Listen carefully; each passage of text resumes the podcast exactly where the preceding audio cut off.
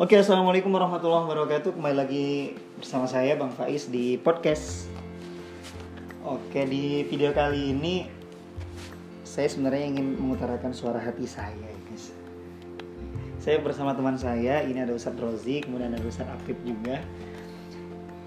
Kita pengen ngebahas tentang daring atau metode pembelajaran secara online, jarak jauh.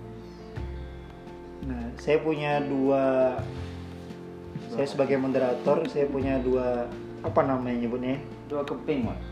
Dua keping. keping hati ya. Oke, oke. Narasumber, narasumber.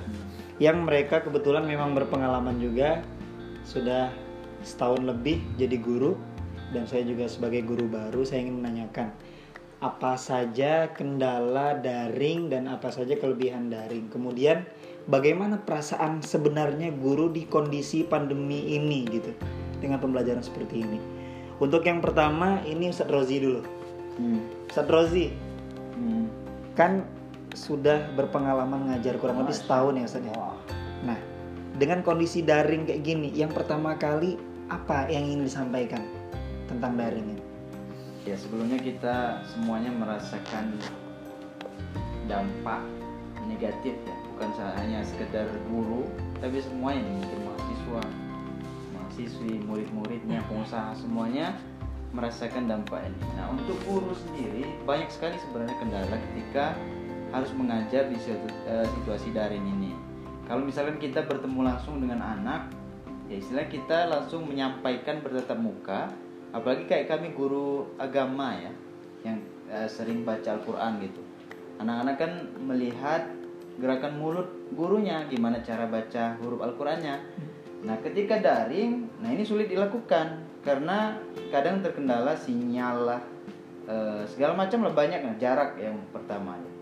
Nah, mungkin itu yang pertama ya. Kemudian yang kedua, ada beberapa anak itu yang dia ya namanya orang tua kan ada yang protektif gitu ya tidak mengizinkan anaknya karena di sini Iya, iya, benar-benar. dibikin kayak ke- eh, belajar kelompok gitu karena materinya banyak nggak terkejar nanti kalau harus daring semua nah tapi ada beberapa orang tua yang tidak mengizinkan itu Tidak mengizinkan bawa HP maksudnya? bukan Eh, untuk, makanya- untuk belajar kelompok Oh. karena kita bikin belajar kelompok Iya iya iya iya iya. iya. orang tua yang sangat protektif dia takut mungkin eh, ada benarnya juga sih mereka eh, menjaga anak gitu nggak boleh keluar takut terpapar gitu nah Takut jadi terpapar corona. nah di sana sudah terlihat kendala gitu bang Pais Tapi kalau dari segi tujuan pemerintah, hmm. saya sedikit membaca ini adalah kayak kayak usaha pembodohan gitu Waduh. Ustaz. Afwan ya. berat Jadi ini kayak kita sebagai guru gitu apa yang sebenarnya dirasakan? Apakah benar? ini mau bicara dari hati apa gimana ini Dari hati aja. Kalau kita berbicara dari apa?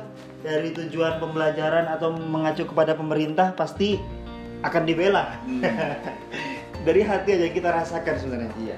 Dari awal sebenarnya pandemi ini cukup menggegerkan dunia dunia apa? Ini ini? apa saja Iya, ya? semua. Pendidikan ya kan? Dari Semuanya awal lah. ya seperti itu. Termasuk kita dibikin ketar-ketir kayak takut gitulah. Iya. Padahal kita nggak pernah lihat koron ini di mana bentuknya seperti apa. Ya orang-orang boleh saja menggambarkan corona itu kayak bola bergigi-gigi gitu ya. Iya. Tapi aslinya kita nggak tahu. Mereka bisa jadi membikin-bikin untuk menakut-nakuti kita gitu. Saya bilang menakut-nakuti ya karena saya terus terang sedikit nggak percaya Baris. Hmm. Maksudnya bukan nggak percaya sih, karena penyakit itu dari Allah ya. Iya. Penyembuhnya juga Allah Subhanahu Wa Taala. Nah selama ini diberitakan itu ada yang kena misalkan. Iya. Inisialnya ini, inisialnya ini, tapi di bawahnya ada penyakit tipes, kanker, malaria, apalah itu. Hmm. Nah setelah pasien itu meninggal diponislah corona kankernya nggak disebutkan lagi Tipesnya nggak disebutkan lagi akhirnya semua orang di, di musim sekarang ini meninggal jadi corona coba kalau dari dulu orang meninggal karena kanker pasti banyak juga kan Iya iya iya. nah jadi kalau menurut saya untuk di Bengkulu Utara sini aman sih. Udah benar kemarin masuk itu nah malah dilarang lagi dilarang Sebenarnya aman ya. lagi. sebenarnya aman. Sebenarnya aman ya. Dan yang kita rasakan kan mungkin kita udah mulai beraktivitas, mulai kita udah mulai berkerumun. Ternyata alhamdulillah. Allah masih menjaga ya kita. nggak ada apa-apa. Cuman kita mandang positifnya juga ada. Karena selama ini kita mengabaikan kesehatan kebersihan. Jadi sekarang kita sering cuci tangan Hmm. pakai masker Oh, iya. menjaga apa? Menjaga kalau bersin kita udah tahu adabnya. Iya. itu aja Ferry. jadi lebih kayak menjaga kesehatannya lebih teratur. Kalau dulu kan kita sembarangan aja Iya, betul, betul. kadang kita mungkin makan Ustaz, sembarangan kadang cuci tangan enggak. Hmm. sekarang aja kita untuk masuk ruangan aja cuci tangan. Keluar cuci tangan. Iya. Ya, mantap Pak. iya ada positifnya juga.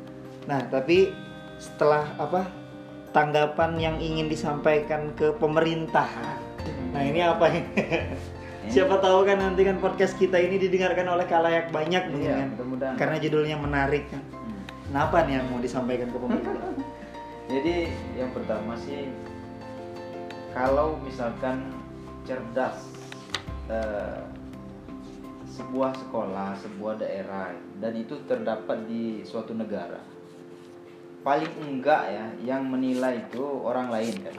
Terus mereka menilai enggak mungkin mereka menilai provinsinya, pasti negara itu.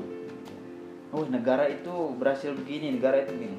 Jadi menurut saya yang perlu dikedepankan itu ya memang pendidikan. Iya, terkait dengan eh, musibah apa pun itu ya memang kita harus waspada ya. Tapi eh, pemerintah harus bijak lagi melihat eh, daerah-daerah yang memang aman untuk belajar gitu.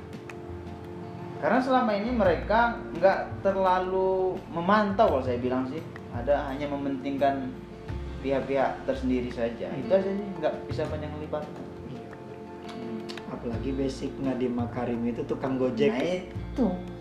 memang dia Dia- bukan tukang ojek iya, yang saya nyupirnya kira- bukan iya.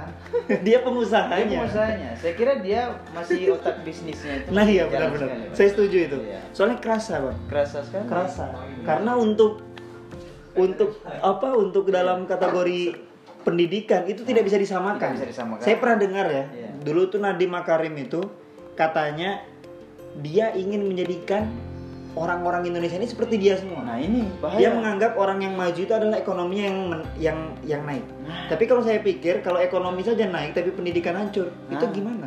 Maksud- Bentuknya gimana nanti kan? Bentuknya orang nggak pakai celana semua yang penting aku Iya, kaya. benar. ya dompet aku terisi banyak. Walaupun aku nggak pakai baju nggak Akhlaknya nggak ada. nggak ada. Pendidikan Padahal akhlak itu lebih mahal daripada apa pun.